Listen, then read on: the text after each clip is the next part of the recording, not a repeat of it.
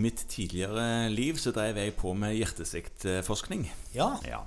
Med sånne små rotter og sånn. Små ikke? rotter og enda mindre mus og Ja. sånt som det. Men eh, det er lenge siden. Men allikevel så prøver jeg å følge litt med på det feltet. Ja. Og nå var det for ikke så lenge siden en sånn ESC-konferanse som eh, European Society of Cardiology. Yes, hvor de eh, tar mål av seg for å revidere og oppdatere retningslinjer for diagnostikk og behandling av alskens former for hjertesvikt. Blant Ja, annet. hjertesykdom generelt, sikkert. Hjertesvikt, ja, generelt, men nå var det hjertesvikt det Ja. var snakk om. Og, på svikt har det jo skjedd en del i det siste. Ja, det er skjedd en del både med hvordan det behandles og hvilke medikamenter man har å spille på. Ja, Den første nyheten som jo kom veldig tydelig fram på denne konferansen, var jo det at nå er på en måte glyflosinene aldeles inne. Ja, aldeles inne, ja. Ja, nå er det altså Det er jo to som har godkjenning for hjertesvikt. Og dette er SGLT2-hemmere. Det er SGLT2-hemmere. Det er jo to av de, det er dapaglyflosin og empagliflosin, som begge to har godkjenning som hjertesviktbehandling. Og det de sier, er at en av de skal tidlig inn. Ja, og når du sier tidlig inn, hva er trappen nå? Ja, nå er trappen egentlig blitt en slags terrasse. Fordi at nå, nå er det litt sånn at eh, før så var vi vant med det. Og, og kan vi si det med en gang at det å starte opp sviktbehandling er ikke noe allmennleger i utgangspunktet gjør. Vanligvis ikke. Nei, fordi at eh, pasientene som får diagnostisert sin hjertesvikt, skal jo ha en ekko. Og de færreste fastleger driver med det. Ja, ikke Ja. sant? Eh, Og når du sier ekko, så er du inne på noe av det som jo ofte blir litt grann eh, vondt og vanskelig. Det er jo at man har hjertesvikt både med og uten redusert ejeksjonsfraksjon. Ja, Nå tror jeg vi skal holde oss til de med redusert Ja, er er Altså de som har nedsatt pumpevolum, for Ja. det, det er det letteste. Ja. De andre er mye vanskeligere å behandle og vanskeligere å diagnostisere. Ja, og forstå. Og der eh, blir det egne algoritmer.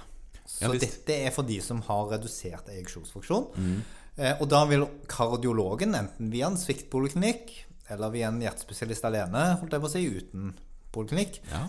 starte opp en behandling. Og før var det jo gjerne sånn at vedkommende da fikk eh, en betablokker. Ja, ja, og så starta de der. Ja. ja. Og så trappa man den opp til så mye man tørte. Mm, og så begynte man på neste medisin, som ofte var en AC-hemmer. Ja. Eventuelt et diuretikum. Ja. Og så holdt man på sånn. Eller det er to blokker, eventuelt. Holdt, ja. Og dette holdt man på med, og så fikk man da stengt slengt i fanget en sånn liste av dette her skal du gradvis trappe opp, mer eller mindre ferdig, litt avhengig av hvor lenge sykehuspoliklinikken hadde fulgt opp. Ja. Og det var vanskelig som fastlege. Ja, altså, vi har jo snakket før om hvordan man kan gjøre årskontroll av hjertesykepasienter og justere medikamentell behandling. Nå har det endra seg litt. For det første så har disse eh, SGLT2-hemmerne kommet inn. Og så er anbefalingen nå i den siste algoritmen mer at man begynner med alt på en gang i lav dose. Ja. Og tanken bak det er egentlig at alle disse behandlingsmekanismene der man på en måte prøver å avlaste trykket, redusere hjertets arbeid, fjerne vann fra systemet, avvæske pasienten Alle mekanismene er viktige, og det er uhensiktsmessig for pasienten å vente i uker og måneder på å få alle medisinene på plass. Ja, Noen eh, som foreleser om dette her, liker å vise bilde av en hest med en eh, vogn på. Ja. Og foran en bakke. Ja. Og når man la én og én medisin til, så gjorde man noe med én og én komponent. Men nå istedenfor så slager man ut bakken, Ja. gjør hesten sterkere og fjerner litt fra vognen. Ja. I én og samme go. En og samme go. Ja. Det er i hvert fall det man prøver på. Det er det man prøver på. Ja. Eh, Sånn at man tenker at det å gå inn med en lav dose av alle medisinene gjør at du får bedre effekt raskt. Og det er nok gunstig, sånn at man kan forvente Jeg har ikke fått så mange tilbake ennå, man kan forvente at man får en litt annen medisinliste og en litt annen opptrappingsplan når pasienten nå kommer. Fortsatt er det sånn at alt skal trappes opp til høyest tolererte dose. Ofte er det jo blodtrykket som styrer det hos disse pasientene. Og fysisk funksjon. Altså at Eh, de og- klarer å fungere. og fysisk funksjon. Ja. Men nå er det litt mer sånn at mange ting er startup, og du trenger ikke holde styr på det på samme måte selv, fordi at det, de har fått reseptene sine.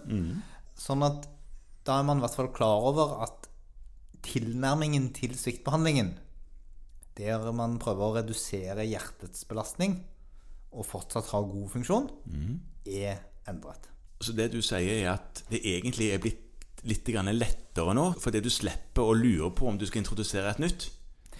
Ja, eller du slipper å følge med på denne planen fordi medisinene pasienten fortrinnsvis skal ha, bør være startup allerede. Ja, Og så er det dette nye med SGLT2, og så er det snakk om å titrere nå, Ja. framfor å starte på noe. Akkurat SGLT2-en er greie, for de trenger man ikke titrere. Nei, det er sant, Der men de andre? En dose. De andre. Ja, de andre. Ja.